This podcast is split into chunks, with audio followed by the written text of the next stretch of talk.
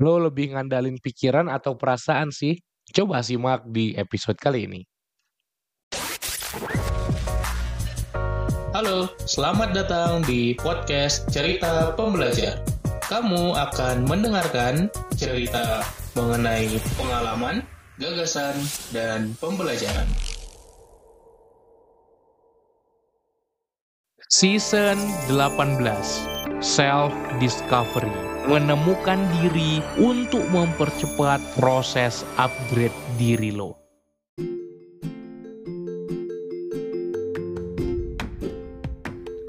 Hai hai hai, balik lagi bareng gua Umar di podcast Cerita Pembelajar season 18 Self Discovery. Hari ini kita akan lanjutkan bahasan dari episode sebelumnya yang pilar pertama kita udah bahas tentang bagaimana cara kita mengisi energi, yang kedua kita bahas bagaimana cara kita mengumpulkan data atau informasi dan hari ini yang ketiga kita akan bahas tentang bagaimana kita mengambil keputusan.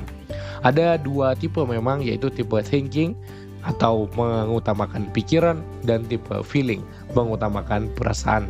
Dua-duanya pasti akan kita gunakan sebagai seorang manusia, namun ada yang lebih dominan tergantung bagaimana kepribadian kita. Orang-orang thinking atau orang T biasanya saat mengambil keputusan membuat keputusan berdasarkan logika, analisis, objektif, dan pertimbangan yang rasional. Orang-orang T, termasuk gue adalah orang T, lebih cenderung fokus pada fakta dan prinsip-prinsip yang objektif. Berbeda dengan orang yang perasaan, orang feeling atau orang F biasanya cenderung bikin keputusan berdasarkan pertimbangan nilai, empati, dan dampak pada orang lain. Nilai yang dimaksud itu nilai diri ya, mana yang selaras dengan nilai dirinya, mana yang selaras dengan value-value yang dia anut. Orang-orang ini lebih cenderung mempertimbangkan aspek-aspek emosional dalam pengambilan keputusan. Bukan berarti mengambil keputusan berdasarkan emosi itu jelek, nggak dipikirin, bukan gitu juga.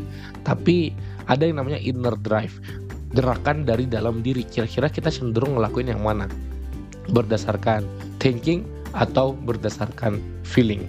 Orang thinking ini cenderung menilai situasi dan orang berdasarkan logika keteraturan dan analisis. Jadi emang pemikir banget orangnya bukan berarti dia nggak bisa pakai perasaan. Sama juga orang feeling bukan berarti dia nggak bisa pakai pikiran atau logika. Bisa juga. Tapi ada kecenderungan menilai situasi berdasarkan si nilai-nilai pribadi tadi. Nah ini juga akan berbeda dengan komunikasi. Orang yang thinking komunikasinya dia akan menyampaikan dengan langsung lebih direct yaitu apa argumen logisnya, apa fakta-faktanya, apa datanya. Sementara orang feeling lebih banyak pakai emosi, empati mendalam, mencoba memahami baik ketika kita memberikan informasi atau menerima informasi atau dalam komunikasi ketika kita berbicara dan ketika kita mendengarkan. Jadi ini juga bisa kita manfaatkan untuk ngobrol ke orang lain dan untuk membuat pribadi kita menjadi pribadi yang lebih disenangi. Ketika kita tahu seseorang itu adalah seorang T atau seseorang itu adalah seorang F, kita bisa menyesuaikan cara kita berkomunikasi dengan mereka. Kalau lawan bicara kita seorang T, kita bisa pakai ala-ala orang T saat berkomunikasi.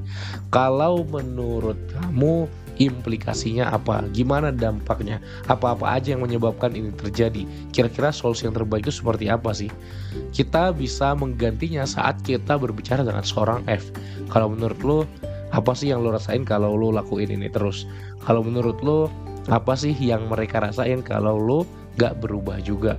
Menurut lo, gimana sih perasaan orang-orang di sekitar lo kalau lo bisa jadi versi terbaik diri lo. Jadi sebenarnya pesan intinya sama, tapi cara kita mengkomunikasikan mengkomunikasikannya itu beda. Kenapa? Karena kita menggunakan linggo atau istilah-istilah kata-kata orang T atau pakai orang F. Jadi ini akan sangat-sangat membantu kita untuk berkomunikasi dengan lebih baik juga. Tentu saja ini juga akan berguna untuk konflik resolution.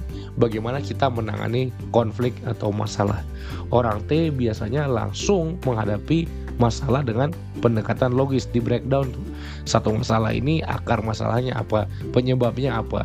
Kita mau menyelesaikan mana dulu, simptom mana dulu yang mau diberesin, apa yang perlu kita uh, berikan sebagai solusi utama. Dan orang feeling juga sama. Kita cenderung menghadapi konflik dengan uh, sorry orang feeling ya orang feeling cenderung menghadapi konflik dengan penekanan pada pemahaman emosional ya empati dan ini akan membuat uh, terasa harmoni. Jadi bukan langsung direct to solution. Itu bedanya orang feeling. Tapi bagaimana bisa merasa lebih baik dari penyelesaian masalah. Jadi setiap tipe sekali lagi ada kelebihan dan kekurangannya masing-masing. Bagaimana kita mempelajari dan memperkuat apa yang menjadi kekuatan kita dari kelemahan kita kita tambal. Termasuk juga saat kita mencari orang untuk bekerja sama saat kita mencari pasangan saat kita mencari partner kita juga perlu mempertimbangkan berbagai aspek-aspek di kepribadian ini. Oke semoga episode singkat ini bermanfaat. Dan seperti biasa kita setelah membahas ya tema hari ini basis mengambil keputusan kita akan berikan pertanyaan ya untuk refleksi diri Pertanyaan buat hari ini adalah coba seberapa sering lo pakai pikiran dan seberapa sering lo pakai perasaan dalam mengambil keputusan. Sejatinya adalah duel tanpa henti yang tidak ada habisnya. Tapi coba lo nilai. Menurut lo, yang mana yang lebih bijak untuk lo lakukan? Dan bukan berarti kita hanya memilih satu, tapi lo mulai dengan pikiran dulu, lalu memvalidasi lewat perasaan, atau lo mulai dengan perasaan dan memvalidasi lewat pikiran. Coba lo pikirkan, renungkan, dan coba nilai kira-kira diri lo termasuk yang mana. Semoga bermanfaat dan sampai jumpa di episode-episode berikutnya. Salam pembelajar. thank you